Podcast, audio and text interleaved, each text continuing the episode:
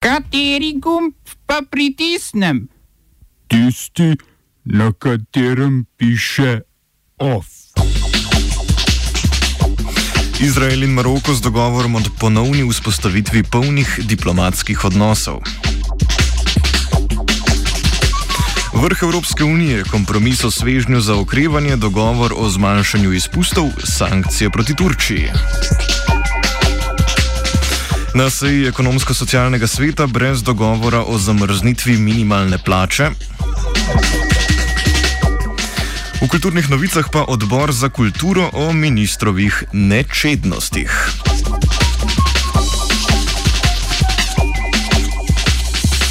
Dobr dan. Izrael in Maroko sta se dogovorila o vzpostavitvi polnih diplomatskih odnosov, je sporočil predsednik Združenih držav Amerike Donald Trump. Maroko je po Bahrajnu, Združenih arabskih emiratih in Sudanu tako četrta arabska država, ki je letos prekršila očitno preživeto stališče Arabske lige o neobstoječih diplomatskih odnosih z Izraelom, s katerimi so pravkar naštete arabske države že podpisale mirovne sporazume in ga tudi formalno priznale kot državo v ta blok pa lahko štejemo še Saudovo Arabijo, ki se neformalno sodelovanje za zdaj še trudi prikrivati. Maroko in Izrael sta diplomatske vezi začela vzpostavljati po začetku mirovnega procesa med Izraelom in Palestino leta 1994, na to pa je Maroko po izbruhu druge intifade na prelomu tisočletja odnose prekinil. Njihova ponovna vzpostavitev, ki jo je palestinsko gibanje Hamas označilo za politični greh, naj sicer ne bi spremenila stališča Maroka, ki še naprej zagovarja rešitev dveh držav.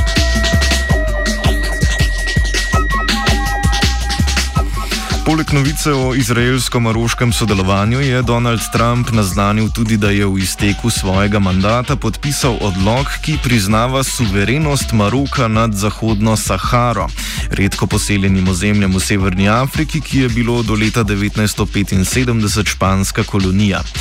Maroške oblasti so Zahodni Sahari pripravljene priznati avtonomijo, ne pa tudi dovoliti izvedbe referenduma o neodvisnosti, za katero si prizadeva fronta Polisario vojaško in politično krilo naroda Sahravicev. Generalni sekretar Združenih narodov Antonijo Guterres je v odzivu na Trumpov odlog sporočil, da se stališče organizacije ni spremenilo in da si še naprej prizadevajo za rešitev vprašanja Zahodne Sahare na podlagi resolucij Varnostnega sveta Združenih narodov, torej z vzdrževanjem prekinitve ognja iz leta 1991 in vzpostavitvijo pogojev za izvedbo referenduma.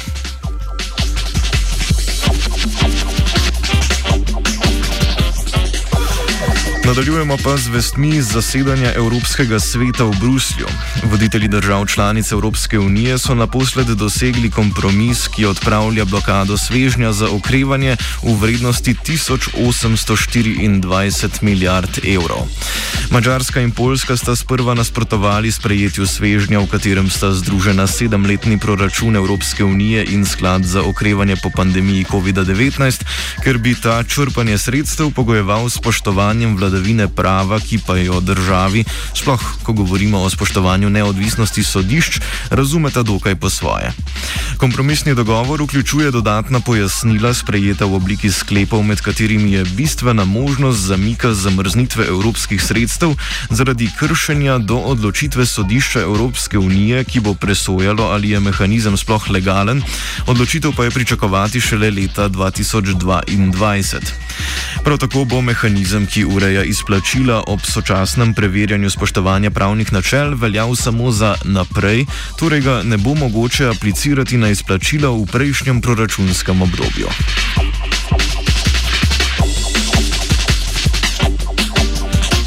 Čeprav se zdi, da sta višegrajski pripadnici z blokado dosegli zmago, je ta predvsem simbolne vrednosti namenjena mađarski in polski domači javnosti.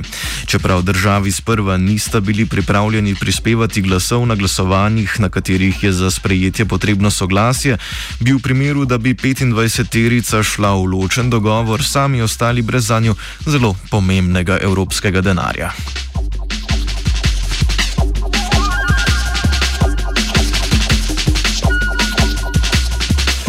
Voditelji držav članic EU so na bruselskem vrhu dosegli tudi dogovor o predvidenem zmanjšanju izpustov toplogrednih plinov do leta 2030.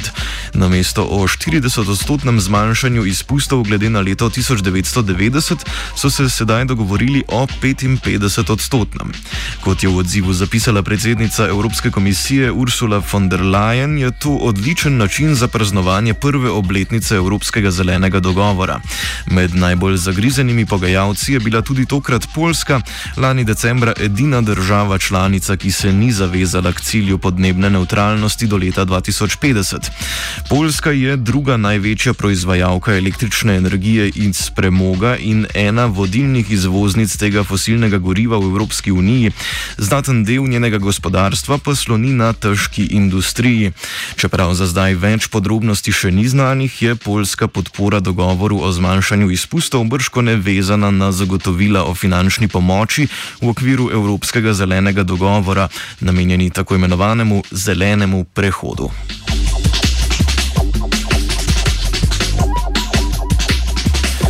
Bruselski sklop novic pa zaključujemo z dogovorom o sankcijah proti Turčiji. Te so sprejeli na podlagi pravnega okvira, ki omogoča ukrepanje proti posameznikom in podjetjem, odgovornim za nezakonito vrtanje nafte in zemljskega plina v Ciprskem morju.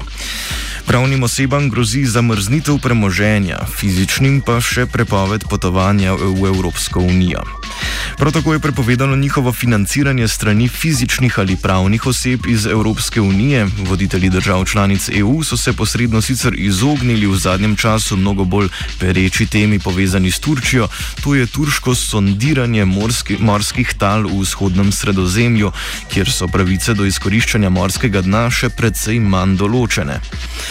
To je v minulih mesecih preraslo v tiho tlenje vojaškega konflikta, ki ga je podžigala izvedba več vojaških vaj turške, grške in še nekaterih drugih mornaric na širšem območju, ki ga Grčija pojmuje kot izključno svojo gospodarsko cono, čeprav večji del lete leži v turškem epikontinentalnem pasu. V zvezi s tem so v Bruslju pozvali k pripravi poročila o položaju v vzhodnem sredozemlju, gospodarskih odnosih EU in Turčije ter možnostih nadaljnega ukrepanja, o čemer bodo govorili na marčovskem vrhu naslednje leto.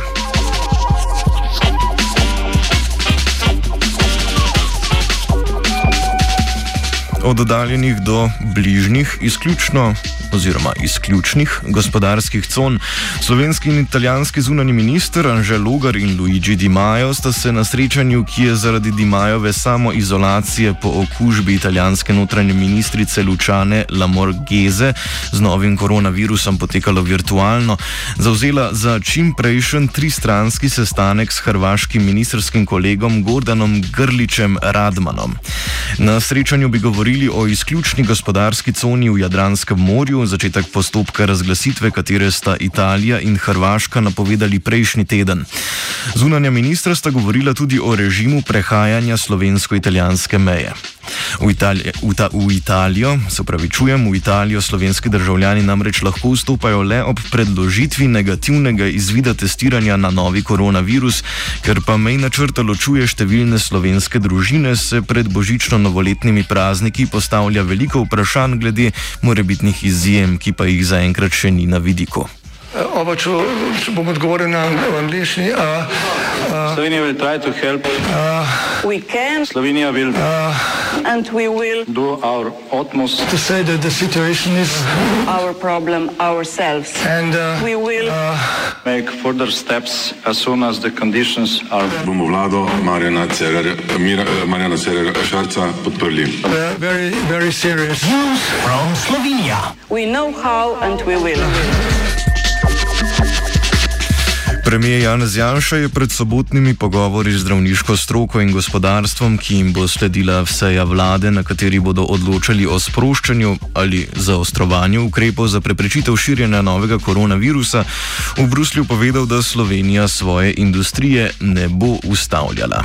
Izpostavil je, da je pri tem referenčen načrt petih faz, manevrski prostor za sproščanje pa se nahaja le v posameznih statističnih regijah, ki imajo boljšo epidemiološko sliko.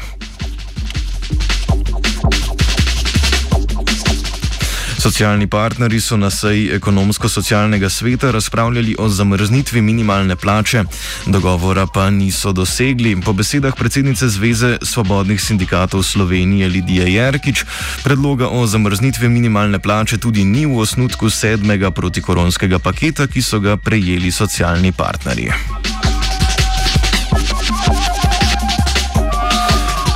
OF je pripravil žiga.